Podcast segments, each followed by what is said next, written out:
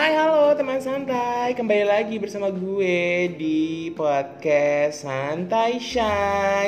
Kali ini gue berdua lagi Kemarin kan gue sama Hamada. Kali ini gue uh, berdua lagi sama musuh gue. Ah uh, ya musuh gue gue dateng dia tidur Friends enemy ya Wak Hai teman santai. ajar lo emang? Mana sih? Ya seperti itu Hari ini kita mau bahas apa ya kira-kira ya? Oh iya, Apa dong? Jadi temen gue ini si V ini memang gue tuh kenal dia tuh udah lama ya. Jadi dia uh, dulu uh, berapa satu dekade ya? Dekade Wak Mm-mm, sama kayak Mada satu dekade. Dekade Mm-mm. Berawal dari Mylis ya Dan uh, gue nggak, gue nggak mylis, gue nggak ikut mylis tuh. Gue nggak secanggih itu dulu.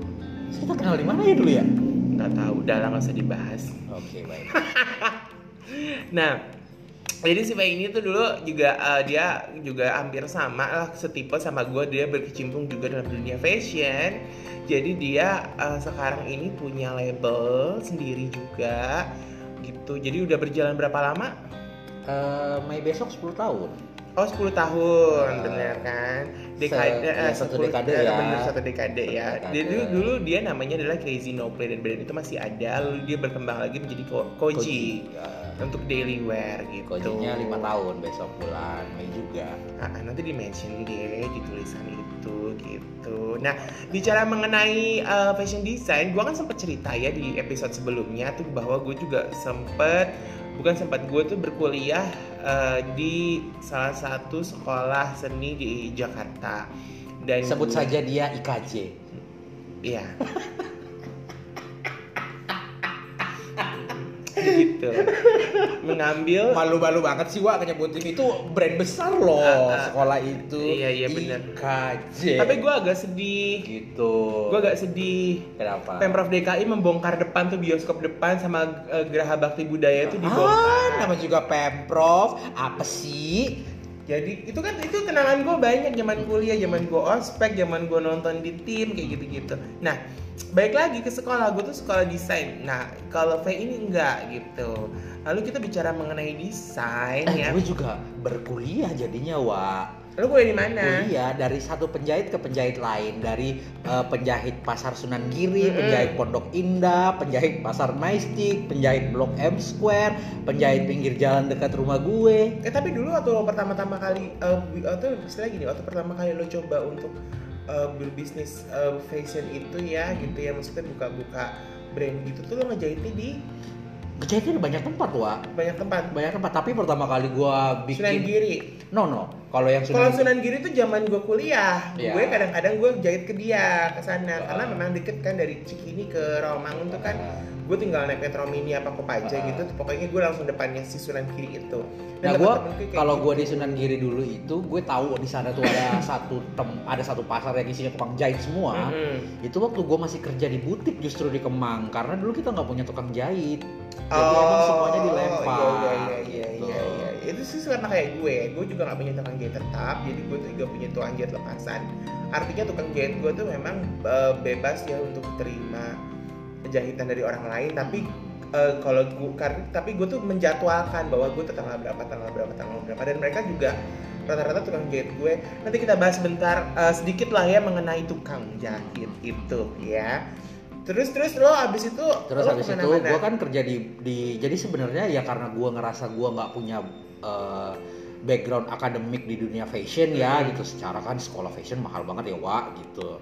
Gak usah ngomong, gak usah fashion Gue tuh waktu jam itu gue tahun Aduh gue harus nyebutin tahun lagi Eh, eh, nggak apa-apa. deh, Gimana dong? Nggak apa-apa dong. Gak usah nyebutin tahun Jadi pada ketika ketika itu Jadi pada tahun gini Sebenarnya waktu zaman gue SMP, SMA itu tuh sekolah fashion di Indonesia itu tuh belum ada banget Jadi tuh baru ada adalah Lembaga pendidikan. Enggak, jadi lembaga pendidikan, kursus, terus ataupun Universitas Negeri Jakarta Iya. tapi memang Universitas Negeri Jakarta atau IKIP dulu namanya memang mengkhususkan kita untuk menjadi seorang pengajar atau guru tenaga pengajar. Jadi mereka nama jurusannya adalah tata busana. Jadi pada saat kita lulus dari situ kita menjadi guru di sebuah SMK ya pastinya SMK kalau dulu tuh ada STM SMEA sama SMK SMEA untuk ekonomi STM untuk yang mesin-mesinan mesin-mesinan sama Ah, tawuran yang laki banget ya pokoknya mesin sama tawuran aja Ah, pokoknya ya, itu gitu. aja judulnya Jadi bayangin ya kalau anak SMK yang tata busana sama masak-masak tuh Ah. tawuran sama anak STM. Ya yang satu anak- bawa gear satu bawa panci nah, sama gorengan oh, ya terus, kan terus yang anak-anak tata busana ngelempar jarum. Iya kan? Nah terus udah gitu, udah nih eh, akhirnya eh, itu baru masuk dulu namanya Esmod. Esmod tuh masuk tahun kurang lebih tahun 94 95 gitu masuk. Dan itu harganya udah fantastis. Yes. Ketika itu. Nah, sekarang pun masih Enggak, iya, pokoknya ketika itu udah fantastis. Pas gua masuk tahun 2000 ke gue kuliah masuk 2000 nyokap gue tuh yang apa mau masuk esmod punya duit nggak ya mama? Gitu sampai seperti itu. Dan itu mahal sekali gitu. Dan dan IKJ sendiri tuh baru ada di sekolah desain fashion itu tuh baru ada di tahun 98 jadi sebenarnya jadi jadi kalau misalkan mau menekuni dunia bisa desain fashion itu mereka hanya menyediakan namanya kriya tekstil gitu. Jadi eh, kriya tekstil yang bisa bisa kita kembangin menjadi sebuah desain juga sih sebenarnya kayak gitu gitu.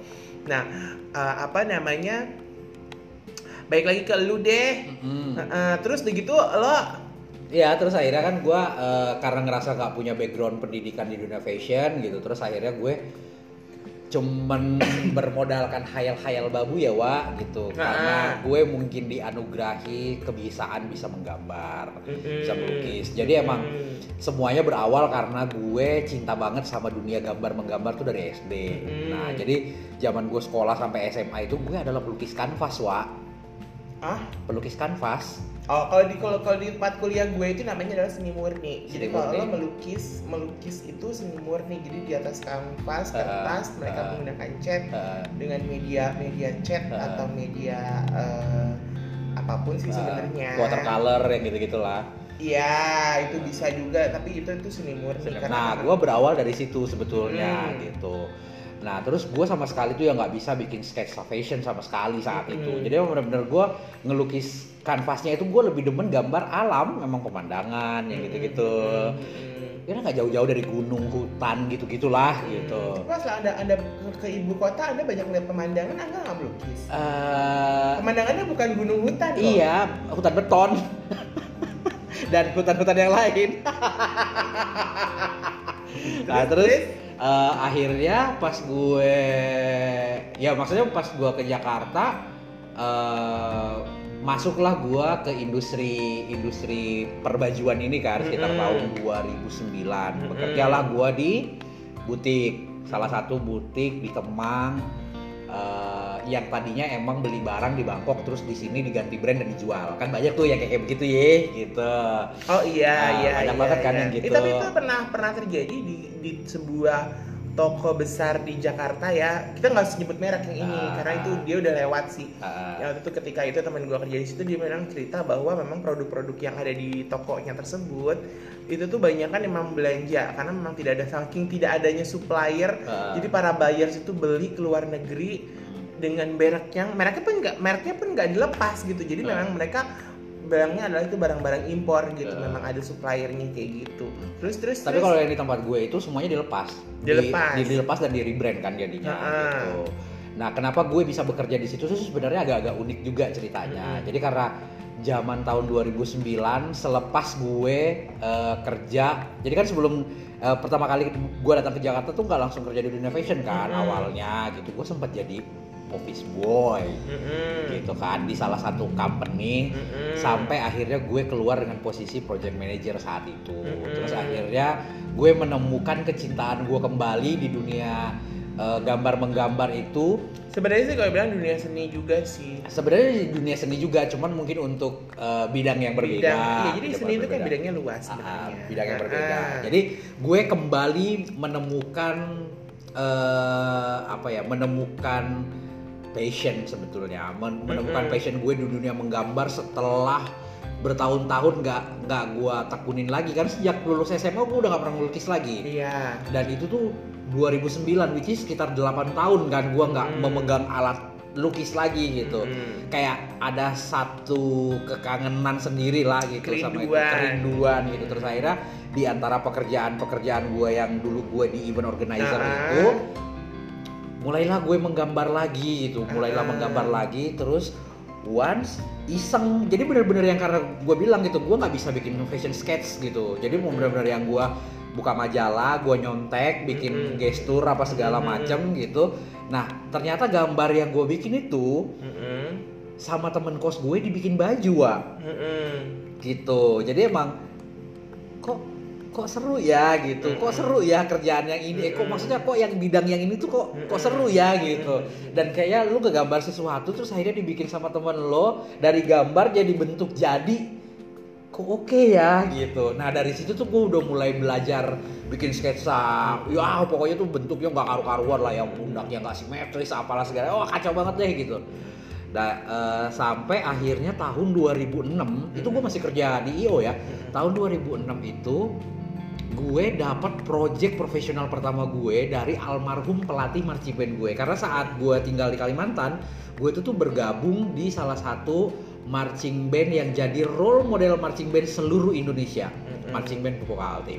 Mm-mm. Dunia permarching band pasti akan tahu gitu. Mm-mm. Nah, terus Jadi ya teman santai ya. Jadi si V ini dulu eh, bukan dulu dia memang asti, eh, istilahnya dia born and raised yes, Bontang. Bontang. Mm-mm. Jadi dia kalau misalkan ikut Putri Indonesia dia adalah eh, Faye Kalimantan Timur 20 tahun. No, no, no, no, Oh, enggak, enggak, enggak.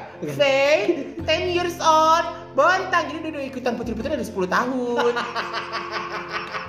Siannya Pernah sih dulu ah ikut-ikut zaman aja zaman Ah, iya iya. Eh aku ingat foto itu. Yang bokap Ya ampun. Eh, eh, Terus eh, pakai itu kan kemeja-kemeja satin. Gitu kan. Kemeja satin sorry. Kemeja satin Meja satin warna pink waktu itu emang Valentine ya. Tapi lo nggak pakai bedak Max kan itu?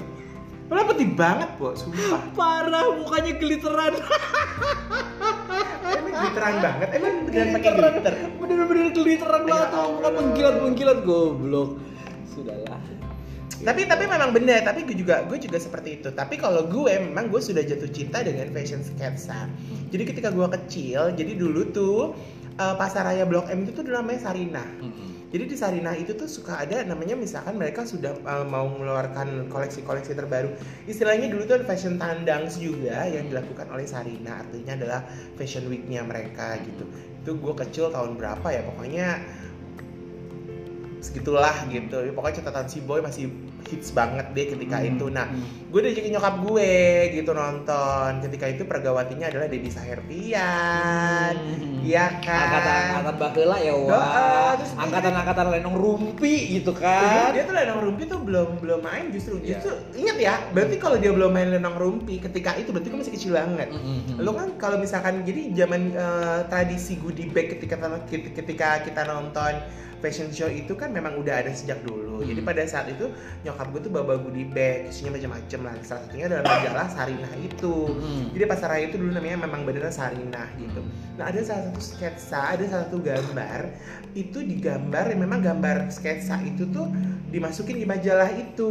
Jadi katalog tuh ya macam kalau kita naik pesawat pasti ada majalah-majalah. Ntar kita naik Air Asia ada majalah Air Ya, Asia ya, apa, ya, ya. karena Garuda ada apa kan Ah, seperti gitu. Ada color Ah, gitu. ah, color apa segala macam kan kayak gitu. Nah, gue buka dan gue jatuh cinta dengan sketsanya eh, almarhum Prayudi. Jadi dulu dulu ada, ada desainer namanya Prayudi. Mungkin beberapa angkatan eh, nggak tahu ya. Kalau gue sih nggak kenal ya, baru kali ini. kenal, ya denger. kalau gue kenal karena memang Prayudi itu salah satu maestro desainer juga. Jadi dulu tuh angkat-angkatan Iwan Tirta, angkatan-angkatannya Hari Darsono. Hmm, tua bener. Hari Darsono, Popi Darsono tahu. Ah, but it's different people dan Ah. mereka tuh nggak punya hubungan sibling. Iya, iya, iya. Namanya aja dari sono ya, sama-sama sama belakangnya. sama kayak Susan Budiarjo Mm-mm. sama Eh, Didi Budiarjo. Gabriel Didi Budiarjo yang Ah, mereka pikir orang-orang mungkin bilang itu kakak adik gitu padahal sebenarnya Enggak. Nah pada saat itu gue langsung coba niru-niruin gitu, niru-niruin lah, niru-niruin. Jadi tuh gue pakai kertas bekas dari bokap gue gitu. Bokap gue kan kerja di kantor suka ada kertas-kertas bekas kayak gitu gitu gue coba-coba gambar gue ikut-ikutin kayak gitu Wah kita nggak ada cemilan ya Wak? ya situ teman santai. eh eh, teman santai jadi kalau gue tuh kalau kolaborasi sama siapa temen gue gitu gue biasanya datang ke rumahnya mereka kayak kemarin ke mana gue ke apartemen dia nah kalau ini gue ke eh, butiknya si V gitu Which is di Pondok Cabe Udi. Udah. Jauh dari kehidupan. gue ya sih kan? bayangannya Pondok Cabe deket bandara atau deket universitas terbuka ya deket kampus gue masih agak jauhan lagi dikit ya lumayan Nggak apa-apa ya Wak. Ah, lumayan gitu. Ah, Nah terus gue tuh ikut-ikutin tuh gaya-gayanya. Nah terus akhirnya dari Prayudi terus tiba-tiba gue jatuh cinta lagi dengan sketsanya Sebastian Gunawan. Sebastian Gunawan tuh salah satu desainer yang membuat sketsa tuh bagus Mm-mm. Kalau menurut gue. Terus Bian, Bian juga bagus. Oh, kalau Bian gue suka, suka banget. Kalau Bian gue bukan tapi gue lebih suka Sebastian Gunawan. Hmm. Jam, jadi gambarnya Sebastian Gunawan tuh gue lebih suka sketsanya dia Ah. gitu. Karena gue pernah zaman dulu ya teman santai ya. Jadi kalau zaman dulu desainer-desainer tuh mereka tuh suka masuk masukin sketsa mereka di majalah gitu. Nggak cuma baju yang udah jadi ya Ah. gitu. Nah akhirnya waktu berlalu tiba-tiba eh, masuklah infansi yang namanya manga. Manga, manga, manga. Manga komik-komik Jepang. Doraemon, Marichan. Eh dulu bacanya apa? Eh, Jangan bilang Fuboy yang soal laki loh. Bukan, bukan, bukan, bukan Fuboy. Apa? Candy Candy, jangan oh my sedih. god. Candy Candy dengan pita ya, kuncir dua, iya bener juga. Mary Chan ya, yang balet-balet itu, nah itu mulai gambar. Iya, Mary Chan dia, karena yang ba- balerina gue suka. Terus, tapi memang kalau Kung Fu Boy itu gue sukanya karena dia nggak terlalu banyak. Jadi waktu itu eh banyak juga sih lumayan, cuman akhirnya Tapi gua- gue boleh percaya boleh nggak mungkin gue adalah salah satu pembaca komik yang pernah yang nggak pernah baca Kung Fu Boy. tapi gue pernah. Hmm, jadi gue Jadi kalau gue pulang ke Solo ya, jadi ada ada ada tempat sewaan komik-komik gitu. Jadi kalau nyewa komik tuh dari satu sampai akhir. Hmm, Dan eh, itu- buat info aja teman santai, gue juga selain suka gambar, gue juga pencinta buku soalnya. Nah, Gitu. tapi gue ada buku yang belum gue baca sih. Ya terus di gitu akhirnya gue ngirim tuh gambar-gambar manga gitu, ngirim-ngirim gambar manga dan segala macem. Terus uh, ternyata memang gue tidak seahli itu ya menggambar manga ya gitu. Akhirnya uh, di mana gue bikin coba ah uh, bukan coba gue tuh ya iseng-iseng sendiri aja kan hobi gambar hobi gambar dan gue tuh suka dengan majalah-majalah fashion gitu jadi Hmm. mak gue tuh dulu tuh uh, langganannya kan tabloid Nova Hmm. terus majalahnya tuh kalau nggak Kartini Sarina Hmm. Bukan Femina Femina tuh hitungannya nyokap gue jarang beli Femina tapi dia lebih sering beli Kartini Hmm. karena kenapa ada pola Ya benar, benar. Iya kan, gitu. Zaman zaman itu ada pola baju di dalamnya. iya ada baju ada pola dan pola itu dari ukuran S sampai ukuran Ukuran Paling XL, gede, eh, eh, paling besarnya Dan itu itu emang ukuran satu banding satu. iya gitu. Jadi bisa langsung diikutin. langsung bisa diikutin itu beneran pola dan itu ada foto baju jajinya ada dan dikasih polanya itu dulu di Kartini itu seperti itu masih ada nggak ya Kartini Sekarang udah nggak ada. Majalah Kartini tetap ada, tapi yang si pola-pola itu udah nggak ada. iya ya Hmm. tapi majalah Kartini masih Majalah Kartini itu masih ada karena sampai sampai sekarang majalah Kartini itu masih pemegang eh, best seller untuk eh, Majalah, apa, nah, untuk hard copy, eh, untuk hard copy. Heeh. tapi dia di- hanya Kartini aja sekarang Hanya Kartini aja. karena dia udah melepas Udah melepas yang lain-lain. beberapa franchise Iya. karena setahu gue L Indonesia udah nggak dipegang dia Udah udah enggak. Ah, ah, gitu harus masuk jadi lalu kan ada akhirnya uh, dan uh, apa namanya akhirnya nyokap tuh emang belinya kayak gitu gue suka. Lalu dulu gue dilangganin majalah ini tau nggak? Majalah mode. Mm-mm. lu dulu nggak ada majalah mode nggak? Kalau masih di Bontang? Maaf ya bukan gue Hmm, di Bontang dulu gue ma- eh, langganan majalahnya tuh ya kenapa akhirnya gue mengerti sedikit tentang dunia modeling, dunia styling, dunia uh, fashion design gitu. Karena gue dari SMP kelas 1 tuh langganan majalah Aneka sampai gue SMA kelas 3. oh kalau gue nggak ada majalah makanya mode. majalah majalah Aneka Yes waktu itu. Jadi Ah, makanya ah. semua semua model angkatan lama yang sekarang udah jadi host, udah jadi artis, udah jadi uh, apa eh tapi as, as you know banyak kan yang jadi bintang sinetron jadi semuanya dari situ.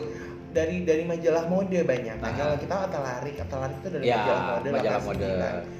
Susan Bahtiar Ya. itu juga majalah mode Ah. Tracy Trinita Tracy Trinita terus Majalah akhirnya mode. ya majalah mode terus akhirnya dia ikutan cover girl juga kan. Enggak dia memang enggak Tracy Trinita memang juara cover girl majalah mode tahun Mhm. 95 Dan akhirnya hijrah kan ke bukan hijrah Paris. dia Enggak. dia ikut Oh, elite model elite model look, Eh, eh, ya. lalu dia masuk 15 besar dia dikontrak sama elite untuk dia jadi model di luar negeri. luar negeri gitu karirnya juga cukup bagus sih Ya. di tahun 90-an ketika itu Dan sekarang jadi pendeta kan? Iya, jadi pendeta dan istilahnya kalau di Islam istilahnya jadi kayak pendakwah lah Ya. gitu istilahnya seperti itu gitu. Terus Dina Lorenza juga dulu majalah mode tadi. Hmm. Pokoknya Syah bersaudara itu semuanya, Semuanya jebolan majalah- mode. majalah mode, Jadi termasuk ketika itu ada. emang gue suka banget. Akhirnya gue dilangganin sama bokap gue majalah mode. Dan akhirnya dulu juga bokap nyokap juga udah. Karena majalah mode itu emang waktu itu terkenal sebelum ada majalah Naik Kayes kan. Sebenarnya iya, jadi memang eh, benar-benar dia ngebahas mengenai fashion remaja. Gue tuh taunya Dogmart Hmm. ya, terus udah gitu eh, rollerblade eh. gitu ya. Dulu gue ngenger minta ya zamannya gue SMP itu dari majalah mode itu. Kalau gue udah emang udah masuk di generasinya majalah Kayes. Iya gitu, jadi gue majalah mode itu udah, jadi gue terus celana eh, zaman dulu tuh ada eh, tren yang namanya rok rok tuh dipecah-pecah pecah delapan artinya belah-belah gitu, jadi Hmm. kayak kayak tirai. Iya iya iya iya. Nah, rok kayak gitu tuh dulu sempat ngetren seperti Ah. itu gitu. Nah, terus dari perkembangannya lagi, memang akhirnya gue tidak menggeluti dunia uh, desain. Akhirnya gue emang sempat juga gue menggeluti dunia desain karena gue jadi asisten desainer. Tapi akhirnya gue ternyata lebih jatuh cinta kepada uh, styling gitu, ke fashion styling gitu. Dan si bapak ini biasanya ya jadi korban gue untuk pinjem baju. Selalu dan selalu dadakan. Mm-mm. Karena memang uh, seperti itu. Seperti itu. Jadi nggak usah itu. diceritakan ya. Dunia pertelevisian itu kan memang selalu Ah, seperti itu. seperti itu. Jadi Syutingnya besok, ordernya tengah malam, pagi disuruh anter, dipikir, Majestic, Tanah Abang punya nenek moyang gue.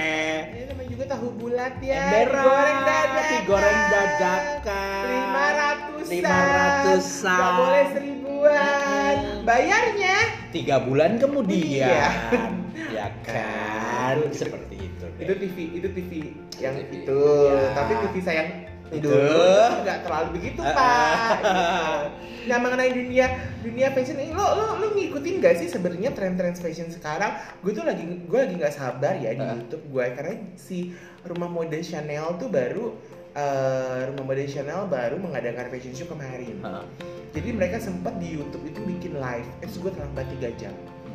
Gue tuh sebenarnya ya gitu dari dulu dari dulu kala gitu. Maksudnya pertama kali gue masuk dunia mencemplungkan diri di dunia fashion designer karena karena kan tadinya emang gue nggak punya background apa apa ya. Jadi benar-benar kayak gue harus belajar ekstra lebih gede dibanding orang-orang yang emang sekolah gitu. Karena di saat yang bersamaan gue harus belajar uh, pola bisnisnya gue harus belajar ngedesainnya gue harus belajar ngejahit which is gue juga baru-baru aja bisa ngejahit Eh tapi teman santai gini ya, kalau kalian eh, sekolah eh, fashion design ketika zaman dulu memang hanya desain. ya Jadi kita tidak belajar bagaimana bisnis pola. Enggak Eh, polanya eh, iya, iya apa bisnisnya. bisnisnya. Bisnisnya Sekarang sekolah fashion itu dibagi jurusan ada fashion design, ada menswear, womenswear, ada fashion bisnis ada fashion bisnisnya kayak gitu. Nah kalau fashion bisnis juga memang akhirnya tidak belajar desain tidak belajar desain. Jadi bagaimana pola bisnis fashion gitu. Iya. Tapi sebenarnya ya kalau menurut gue nih kita sebagai seorang uh, fashion bisnis kita juga harus mengerti sih sebenarnya mengenai bagaimana teknis uh, membuat busana atau bagaimana ngukur orang atau Hmm. bagaimana tentang ukuran lah measurement kita harus ngerti. Measurement harus ngerti. seperti itu bisnis seperti apa kayak gitu. Tapi memang semua akhirnya angkatan-angkatan kayak kita kita gini tuh belajarnya dengan dengan cara kita jalanin gitu Iya karena makanya gue hidup. kalau mau dibilang sampai sekarang pun masih kuliah berarti gitu. Karena kan gue masih terus belajar. Mm-mm. karena kan eh, fashion kan terus berkembang terus kayak tren mode tren mode itu kan berputar gitu-gitu. Mm-mm. tapi kalau tadi mau ditanyain gitu ngikutin nggak perkembangan mode? Sejujur-jujurnya tuh enggak sejujur-jujurnya tuh enggak gitu. Karena hmm, apa ya? Gue nggak tahu ya gitu. Buat gue emang nggak ada seni yang 100% original. Nggak ada. Mm-mm. di dunia desain sekalipun nggak ada gitu Eh, dan gue nggak pernah mengklaim bahwa wah ini kan karya gue gue yang bikin tren ini gitu. Lu nggak boleh nyontek apa segala macam nggak pernah gitu. Karena iya memang masing-masing or eh, masing-masing orang kemungkinan kemungkinan besar memiliki eh, apa namanya ya? Istilahnya- referensi yang sama. Iya. Memiliki referensi tapi yang sama. itu tidak berlaku juga tidak hanya berlaku di dunia fashion ya tapi juga berlaku dunia hampir di musik semua, juga. semua dunia industri gitu artinya semua industri seperti itu. Jadi memang ketika kita di generasi di mana semuanya sudah ada Hmm. itu ya kita adalah generasi yang harus mengembangkan Mm-mm. artinya memodifikasi mengembangkan yang sudah ada even dari yang sudah ada kita menciptakan lagi yang baru itu bisa terjadi. Ya. Tapi kalau di generasi yang di mana belum ada semuanya itu adalah mer- mereka seperti penemu-penemu itu ya Iya. generasi-generasi yang memang mereka menemukan menemukan Iya, dasar ya kayak iya. pesawat deh pesawat kan sudah ditemukan istilah udah diciptakan oleh Wright bersaudara makin ke depan akhirnya kan berkembang. Makin berkembang. makin berkembang Karena teknologi berkembang, Eh, kebutuhan- ilmu pengetahuan berkembang, ya, kebutuhan kebutuhan juga berkembang. terus aja seperti itu Nah, sama aja kan berarti. tapi memang dulu gue sih harus dituntut sama sama dosen-dosen gue bahwa kalian tuh harus tahu. Jadi memang kalau misalkan trend fashion itu, jadi ada beberapa orang yang terpilih tuh di seluruh dunia itu akan dikirimkan entah gue lupa namanya, pokoknya namanya apa. Jadi seperti lembaga atau akademi di Hmm. ada di London, ada di Milan, ada di York, ada di Kota-kota kota-kota fashion besar dunia ya. Eh, pokoknya empat kota fashion ini sebenarnya adalah yang eh, menciptakan tren bukan? empat ini sebenarnya sih pionir gitu. Tapi kan akhirnya berkembangnya ada Jepang, ada Tokyo, Hmm. ada Rio dan akhirnya hampir seluruh dunia pun juga sudah Punya. bisa jadi patokan Iya. untuk untuk menjadi sebuah eh, apa namanya fashion trend. Jadi memang setiap tahun tuh akan banyak beberapa lembaga fashion, lembaga mode yang mengeluarkan eh, apa yang akan jadi tren di tahun berikutnya. Berikutnya. Nah biasanya itu dikeluarkan itu memang sebelum jadi gini misalkan tren 2020 Hmm. mereka sudah memikirkan itu dari tahun 2018 atau 18 mungkin lah ya. atau 2000 eh, ya 18 jadi pada saat mereka launching di 2019 itu adalah untuk 2020, 2020, gitu, gitu. seperti itu itu tuh gue pernah tuh sama dosen gue di, dikasih lihat tuh tren warna Hmm. lalu eh, inspirasinya apa jadi kalau lo misalkan googling di Pinterest gitu Hmm. kan misalnya eh, eh, apa namanya eh, look mood eh, mood eh, ya look mood lah Hmm. gitu atau mungkin Kayak mood board mood gitu-gitu board lah. uh, mood board for a trend 2020 nah itu Ya. akan keluar itu biasanya memang udah karena udah trennya sekarang pakai internet ya semuanya digital jadi sudah bisa keluar dari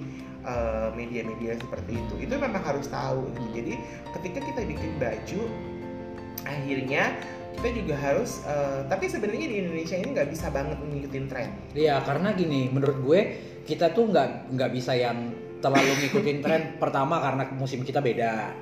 Ya, musim kita beda. Kal- Kalau di luar negeri kan perputarannya lebih cepat karena mereka per tiga bulan, per empat bulan kan emang ganti season. Orang sekarang aja, sekarang aja sudah mereka sudah fashion show untuk fall winter 2020-2021. Mm-mm, sementara summer aja belum masuk. Sampai ya aja kan? belum masuk Nah, gitu, jadi benar. benar-benar yang kayak. Indonesia itu kan musimnya lu mau musim panas, lu mau musim dingin. Yang musim panas pakai baju tipis-tipis, yang mau pakai jaket tengah apa namanya jaket tengah hari bolong, mau pakai yang wool Hmm. dan segala macem gitu.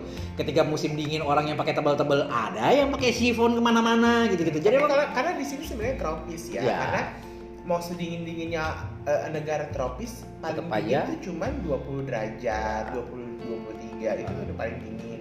Kecuali lo di daerah-daerah tertentu yang bisa memang kayak eh, di daerah-daerah tertentu yang memang bisa dinginnya bisa di bawah 10 itu Ya, ada. ya. Tapi kan penduduknya nggak banyak Benar. gitu. Ini di sini Indonesia. Jadi kalau misalnya kita ke kota-kota besar ya pasti paling paling rendah 26 derajat sampai 25 derajat.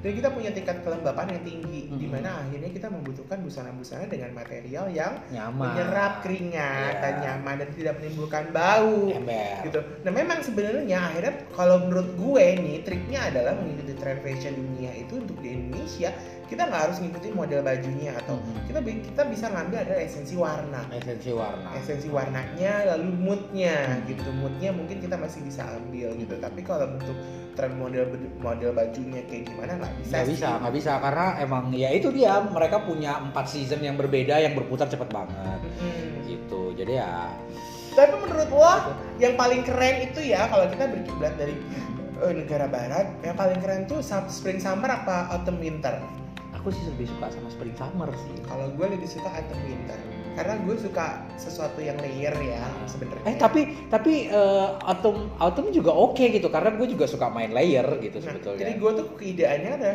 kalau misalkan autumn winter ya gue warna summer tapi masuknya di autumn winter Hmm. bisa ada kata orang gila kali ya tengah-tengah salju ada warna eh, apa namanya pink fuchsia gitu. Nah kalau hilang di badai salju lo kelihatan, Bo. Iya kan, gitu.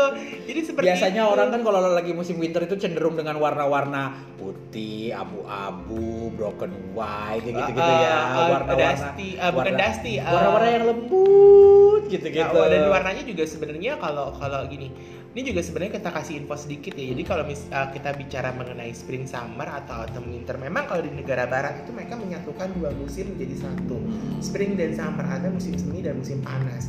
Musim semi itu yang peralihan dari uh, Musim dingin. Jadi Mau memang masih musim- sedikit berangin, Ya. masih sedikit agak dingin dengan kisaran sekitar 11, 10, 11 bahkan ada yang sampai 7 sampai sekitar 20 Tapi udah mulai ada matahari. Tapi udah mulai ada matahari dan itu sedikit lebih hangat. Jadi mereka tidak meninggalkan mantel-mantel yang tebal. Jadi mereka harus biasanya mereka menggunakan eh, trench coat karena biasanya campur campur hujan, Ah. ya, trench coat. Jadi jaket-jaket yang udah nggak terlalu tebal Ah. seperti itu. Lalu musim panas mereka meninggalkan jaket gitu. Tapi kalau malam hari mereka tetap pakai jaket, tapi yang nggak terlalu tebal karena memang di negara mereka yang empat musim malam itu agak sedikit lebih dingin sih gitu. Nah pada saat autumn winter mereka masuk masuk musim gugur tuh eh, suhu bisa turun drastis banget dari kisaran 15 derajat ke bawah bahkan belum musim dingin mereka udah menerima yang namanya 5 derajat 2 Ah, derajat ah. mereka kadang-kadang sudah menerima kalau musim dingin udah minus gitu. artinya juga busana-busana juga Udah mulai menyesuaikan sama suhu. menyesuaikan. Nah, memang kalau spring summer kan kita kita gini, kalau spring kita bisa terima uh, bisa terima kita biasa ngelihat kan ada ada pink, ada ada ada, Ada merah, ada gitu. Bener-bener warna-warna solid kan. Ah, solid biasanya. color atau misalkan ada ada mungkin juga soft juga bisa Iya. karena misalkan kayak macam baby blue, sky blue gitu Iya. atau uh, yang warna biru-biru laut seperti itu atau mungkin uh, dusty pink atau mungkin juga uh, warna coklat Hmm. kayak gitu-gitu dan itu uh, berlangsung hingga musim panas dan tren-trennya akan seperti itu. Pada saat musim dingin berubah menjadi lebih gelap hitam, putih, abu-abu, navy blue, bahkan merah marun. Merah Merahnya marun. juga merah marun atau mungkin merah menyala pun padu padannya dengan warna hitam. Kayak gitu sih sebenarnya teman santai. Jadi sebenarnya kalau kulit-kulit nah, ini agak kesulitan gak sih lo? Go, lo lo suka agak kesulitan gak dengan customer-customer yang orang Indonesia di mana kulitnya tuh kan bukan kulit putih Ya yang lebih tin kan. lebih jadi sawo sawo mata. Bahkan gitu-gitu. yang putih sekalipun tuh bukan putih yang cenderung beruntung. Ah, ah, bukan, bukan. Bukan jadi yang pakai warna apa juga harus hati-hati. Iya. Kayak gitu. Putihnya tuh bukan putih Eropa kayak kita. Iya. Eropa kan putihnya tuh putih kemerah-merahan ya Ya gitu. karena emang uh, Kaukasian ya. Kasihan, gitu. Kalau kalau kita putihnya abu-abu ah. Emang putih abu-abu tuh gimana? gitu. iya ya, jadi kalau misalkan Iya kita sih? jadi orang kulit orang yang, yang kulitnya putih di Indonesia itu tuh kadang-kadang juga kalau sampai warna pakai warna yang terlalu terang jadi norak. Ah, ah. pakai warna yang gelap juga mereka jadinya kok murung kelihatannya Ember, gitu. lebih kacau balau gitu-gitu. Iya, gitu harus tepat juga. Jadi Ah. kalau bilang, "Ih kan kulitnya dia putih, jadi pakai apa aja?" Enggak, belum tentu. Iya. Kalau menurut gue sih belum tentu. Ah. Tapi iya pernah sih beberapa kali mengalami kesulitan seperti itu karena kan ada klien yang kak aku kan kulitnya gelap gitu. Kalau misalnya pakai warna yang terang benderang kayak kesannya gimana gitu. Jadi kan emang kayak larinya ke hitam lagi yang warna-warna aman gitu. Kalaupun berwarna yang marun lagi yang gitu-gitu. Karena kan emang orang yang punya kulit sawo mateng gitu-gitu juga nggak bisa dipakein pastel ya Wak gitu karena kan kelihatan kumel Mm-mm. terus mau dipasangin warna terang benderang juga kayak jadi api gitu Iya. warnanya jadi emang benar-benar yang kayak kalau hitamnya hitam Afrika itu juga malah lebih enak. lebih oke Lebih oke, karena lebih pakai- kayak palet warnanya lebih keluar Ah. gitu lu tuh jadi kayak kalau apa hitam Afrika tuh lu kayak jadi manekin aja gitu Ah, ah, yang mau dipakein baju apa jadi Eh, bagus oh, banget gitu Hitam, hitam sekalian, putih-putih sekalian. putih-putih sekalian gitu Karena menurut gue juga sebenarnya orang Papua sendiri kulit hitamnya tidak sehitam Afrika. ya Jadi mereka tuh coklatnya punya- tua gitu jadi coklatnya lebih coklat tua iya jadi coklat tua macam macam kopi pahit kopi dikasih susu tapi komposisi kopinya lebih banyak ya Mm, tapi Gitu. ada susunya sementara kalau Afrika ya bener-bener coffee. bener-bener black gitu dan eksotis sih makanya gue tuh kalau misalnya ketemu sama beberapa klien gitu kadang-kadang kan masalah warna tuh kan masalah selera gitu gue berkulit coklat tapi eh gue pakai baju warna apa aja gitu Mm-mm. ya gue mau pakai baju warna apa yang gue mau gitu Ah, tapi juga tuh pengaruh juga nggak sih dengan uh, struktur wajah tuh ya kadang-kadang ya. Jadi Ya. ada orang yang dia tuh kurang lebih dia gini. Kalau gue bilang dia tuh tidak tidak cakep banget. Tapi dia tuh punya tongkrongan oke. Artinya dia pakai baju apa aja tuh bagus. Iya, ada bagus. orang yang punya aura seperti Eh, eh, itu. ada orang yang emang kelihatan Cakep. cakep ya pakai baju apa aja ya udah cakep aja Ah, gitu ada terus yang ada cakep pakai baju apa aja kok nggak pantas. Ah, ada. ada. Dan ada juga orang ada yang tuh yang artis begitu ada. Ada. Ada. Mau nggak gue sebutin? Eh nggak usah. Kita udah tahu. Enggak, enggak, enggak, bukan. Lo pasti lo pikirannya pasti penyanyi-penyanyi yang oh no no. Tuh, Kalau gue tuh taunya namanya siapa? aku host mikirnya malah. Ah, gue bukan. Oh, bukan. Gue dulu ya pemain sinetron Oh, pemain film. Oh bukan host yang lagi bermasalah sama si itu ya Host suami istri yang lagi bermasalah sama Nyai itu loh Oh, Ah. itu mah, oh, itu oh, itu mah udah lah ya. Nah, kalau gue kan eh, ada ada satu ada satu artis perempuan, dia anak eh, muda remaja Ah. gitu. Dia mukanya dibilang cantik cantik, tapi pas ketika pakai baju looknya jadi bukan remaja. Ah, Looknya kayak tante-tante. eh, eh, look all lebih lebih Kayak temen tua Eke ada. Oh ada kita tahu orangnya kita menuju orang yang sama Nah, tapi tapi Ah, beda ah. temen gue sama si artis beda. Ah, beda. Ya kalau yang temen tem- temen yang gue tahu Ya. dan temen yang gue tahu itu Uh-huh. lebih kelihatan tante-tante Nora ya, Wak. Julid. ya udah jadi eh, kadang-kadang dipertemukan dengan klien yang yang kayak gitu. Jadi gue suka balikin gini loh Wak gitu. Ya karena gue ber- berkaca dengan orang-orang Afrika yang kulitnya bener-bener gelap banget gitu, dark skin kayak gitu, mereka berani pakai orange, mereka berani pakai light blue, mereka pakai shocking pink. Gue bilang sama mereka gitu, Mbak gitu. Mau baju lo semahal apa pun, mau baju lo sebagus apa pun, lo mau pakai warna yang menurut lo ba- udah pas banget di badan lo gitu. Kalau lo nggak pede, nothing jadinya. Iya memang memang. Gitu karena kuncinya cuma satu itu doang gitu. Ya, waktu itu juga bahas ya, gue juga bahas dia masalah yang di episode adalah eh, menjadi seperti dan fashion stylist. Hmm. Jadi memang eh, gue ngebahas bahwa intinya pada saat kita berpenampilan itu adalah percaya diri. Mm-mm, bener. Pada saat kita percaya diri, kita jadi nyaman sama baju yang kita pakai. Bener, mau pakai baju harga 20.000 ribu pun jadi kayak berasa pakai baju harga 2 juta Yes, gitu. Kalau udah gak nyaman dengan baju yang ya emang ada juga ya masalahnya kita berhubungan sama artis ya banyak ya sini sini fashion stylist Ah, ah, semuanya yang Situ. brand minded gitu-gitu. Nah, adalah pemain film Ada terkenal itu lah, cantik yang gitu. katanya, aduh kak aku nggak mau itu mereknya apa sebelum pakai baju dan nanya merek dulu. Ada yang seperti itu. Ah, Jadi kan yang nyediain baju apaan sih gitu, Mm-mm. seperti itu tuh ada gitu. Jadi uh, sebenarnya apa pun yang kita pakai, apa pun yang kita kenakan, mau mahal, mau murah, selama kita nyaman itu akan akan bagus di kita. Jadi karena kita menebarkan aura, Hmm. aura nyaman Ya. gitu loh. Nah, kita ngomongin itu tuh, soal- kita ngomongin itu sekarang. Kita ngomongin eh, apa namanya?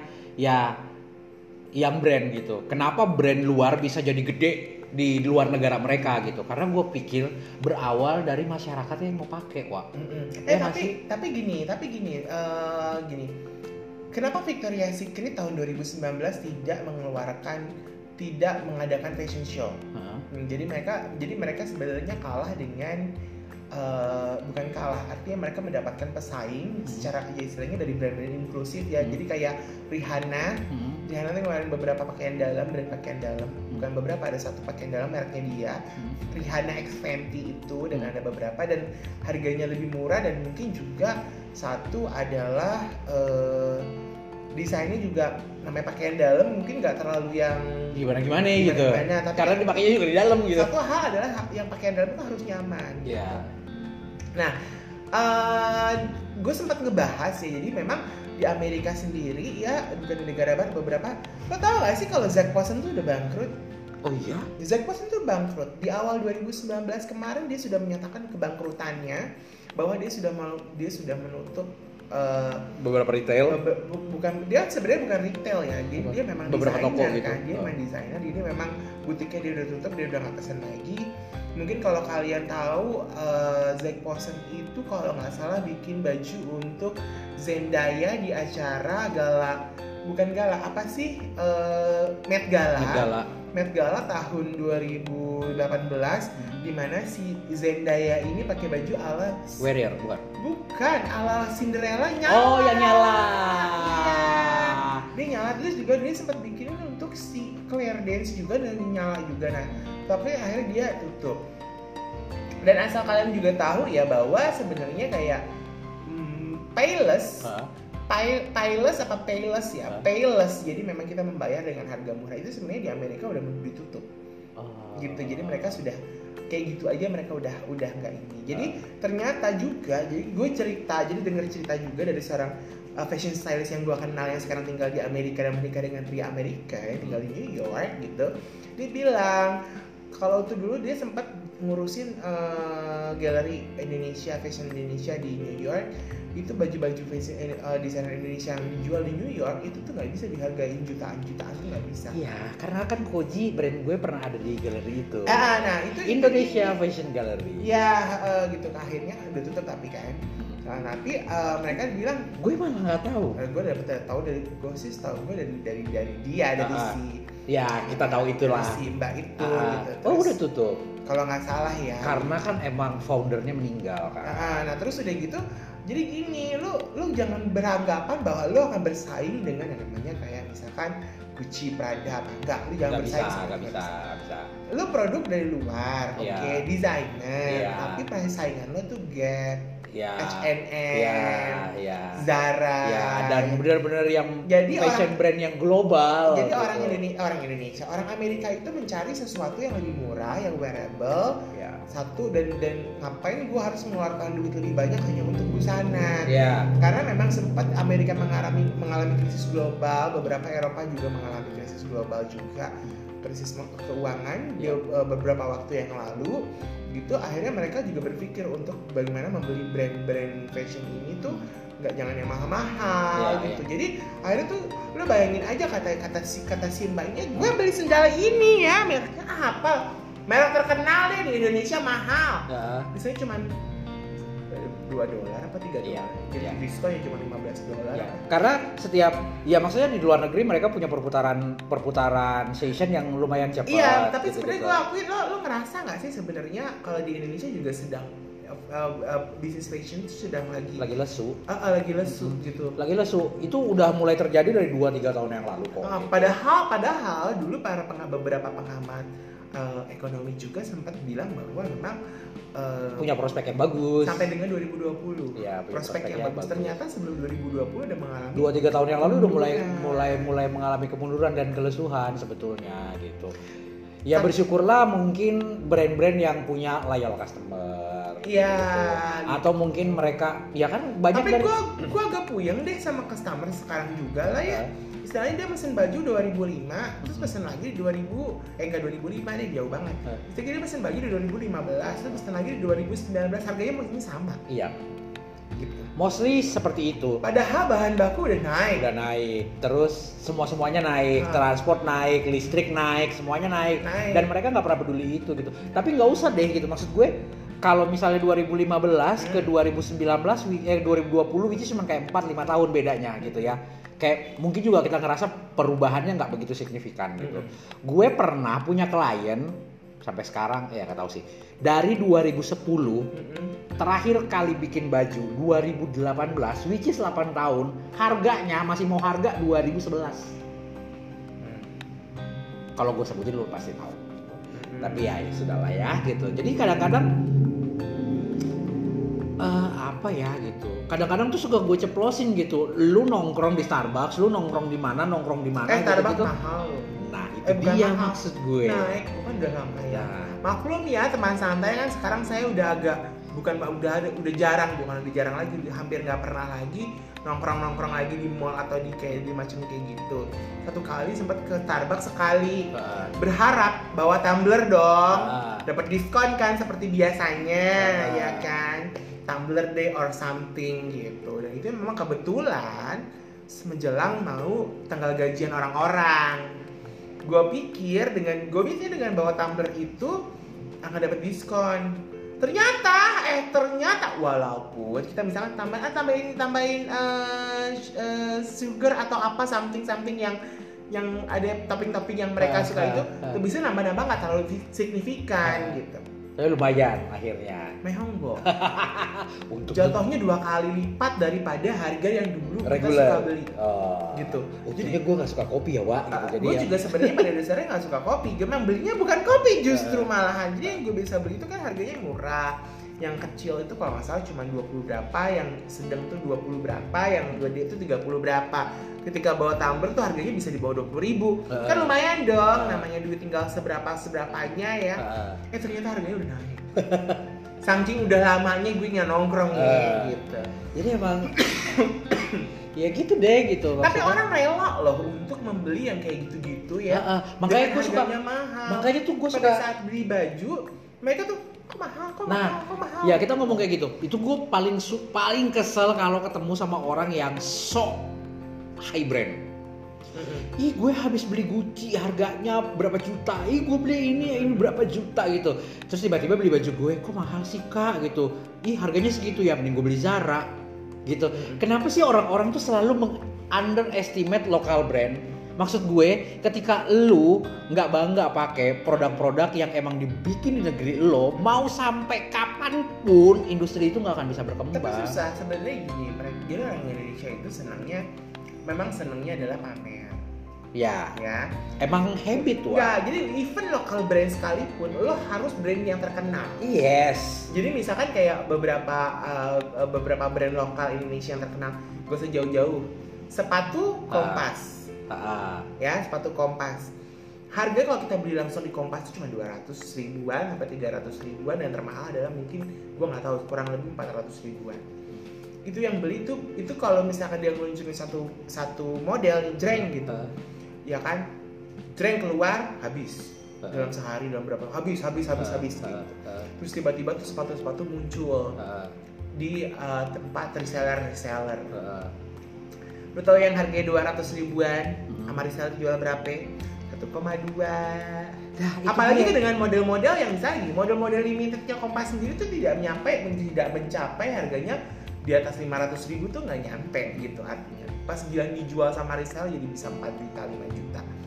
Oke lo menghargai brand lokal kayak gitu. Tapi tapi ketika lo misalkan lo ngeluarin brand sepatu nih lo belum terkenal lo mengasih harga yang setipe dengan brand yang sudah terkenal lo kan dianggap lo kan masih baru gitu. Ya Orang selalu Indonesia tuh gitu. Iya selalu kayak begitu. Ya ya gue pun walaupun 10 tahun berkarya di dunia desain gitu itu tuh masih banyak banget orang-orang tuh yang selalu compare dengan dengan brand-brand luar gitu. Maksudnya kayak misalnya gue Iya. kayak misalnya gini deh.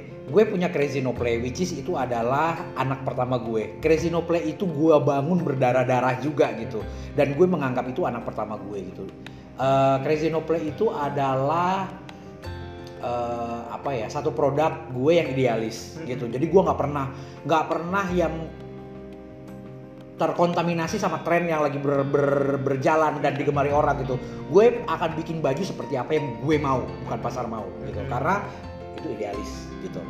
Nah gue punya second line which is itu ready to wear yang eh, emang desainnya jauh lebih simple karena dipakai hari-hari Hmm. Uh, udah gitu AM to PM ya kan terus habis itu juga uh, jualnya lewat online pula Instagram Hmm. sebenarnya kenapa gue bikin uh, punya second line yang harganya dari 165.000 paling mahal 325.000 itu pun di antara 10 desain yang gue keluarin paling harga yang paling mahal Hmm. Itu tuh cuma satu dua items doang. Hmm. rata-ratanya sekitar 245 sampai 275 rata-ratanya gitu. Hmm. dan itu selalu aja di compare gitu. Kah harganya kok eh, outer misalnya ya gue jual 245 kok 245 mending gue beli Zara deh gitu. Ya atau ya ya terserah. Itu sih pilihan lo gitu Nah, ya. sebenarnya sebenarnya kalian sebagai konsumen boleh memilih tapi Iya. pada saat kalian mencari sesuatu jangan jangan compare gitu. kalian karena tuh boleh compare dengan model yang sama. Dengan Iya. model yang berbeda kalian nggak boleh compare. Ya nggak nggak boleh fair. compare nggak boleh compare brand. Tapi Uh-uh. kalau compare model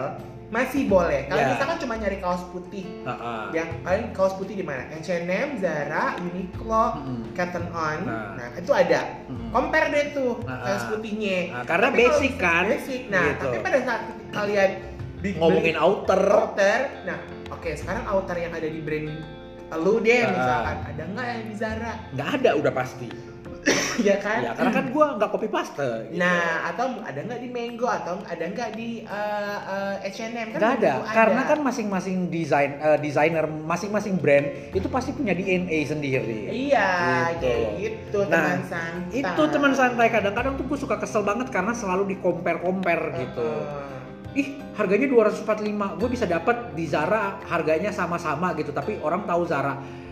Ya kalau misalnya emang semua orang, lu berharap semua orang pengen tahu uh, brand yang lu pakai gitu, itu brandnya jangan lu tempel di belakang baju, di jidat. Iya benar. Gitu maksud gue. Ya nggak fair buat kita sebagai kreator di compare dengan brand orang lain. Iya. Karena satu effort yang dikeluarin beda, Iya. iya kan? DNA-nya beda Iya, gitu. ide-idenya juga beda. Ide-idenya juga beda gitu. Kecuali emang lu compare dengan brand-brand KW. Misalnya Zara dengan Zara KW-KW-an. Yang bisa lu beli di Ambassador harganya 50.000 ribu. Gak apa-apa deh lu compare sama-sama Zara walaupun satu original, satunya KW gitu. Mhm. Nah, buat gue gue sangat emosi ketika orang mengcompare baju gue dengan brand lain. Heeh. Sorry, sama-sama original. Gue lebih memilih untuk nggak pakai high brand ketimbang lu pakai LV tapi eh, apa namanya KW. Mm-mm. Jadi gue memilih memakai brand-brand temen gue yang lokal brand tapi original cuy. Kayak Sama gitu. sih sebenarnya seperti itu gitu. Cuma memang kalau kayak misalkan pakai pakai tas, gue beli tas-tas lo- brand lokal gitu.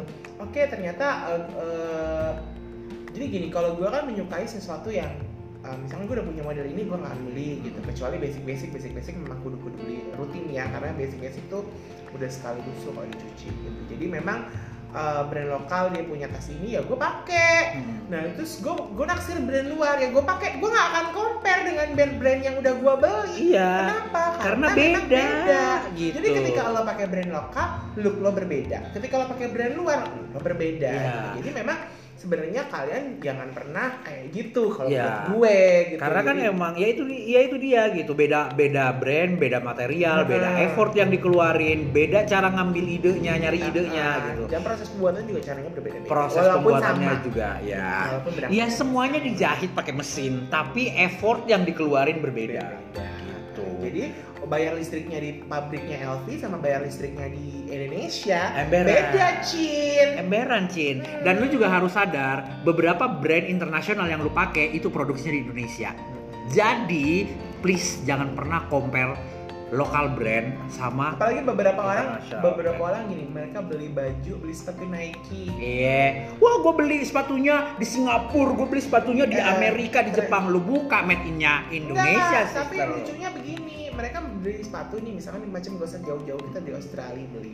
Ternyata desain yang ada di Australia itu made in Indonesia. Terus orang ini, "Ih, nggak mau ah made in Indonesia."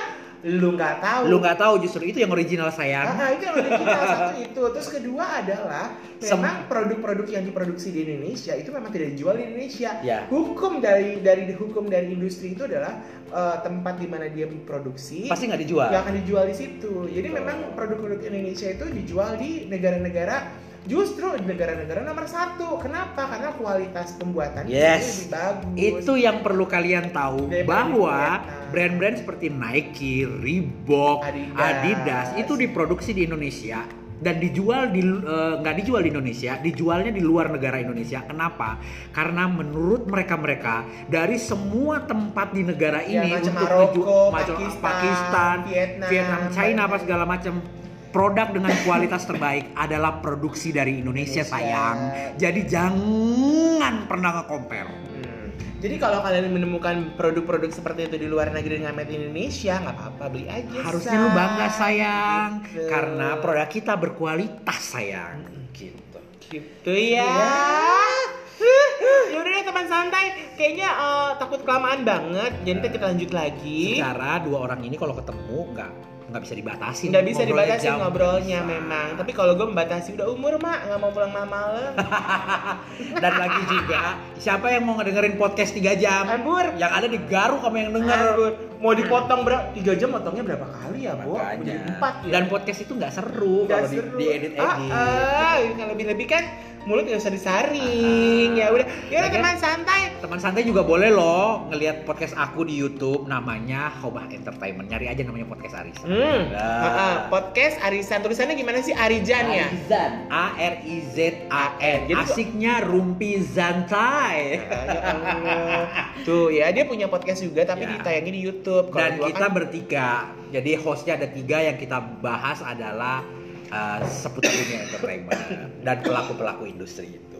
ya udah, gue mau minum dulu. Ah, mau beli cemilan. Oke teman santai, sampai ketemu lagi. Mungkin bareng sama Faye juga. Jadi eh ya udah. Terima kasih udah dengerin coletan-coletan kita hari ini ya. Oke, sampai Bye, dah.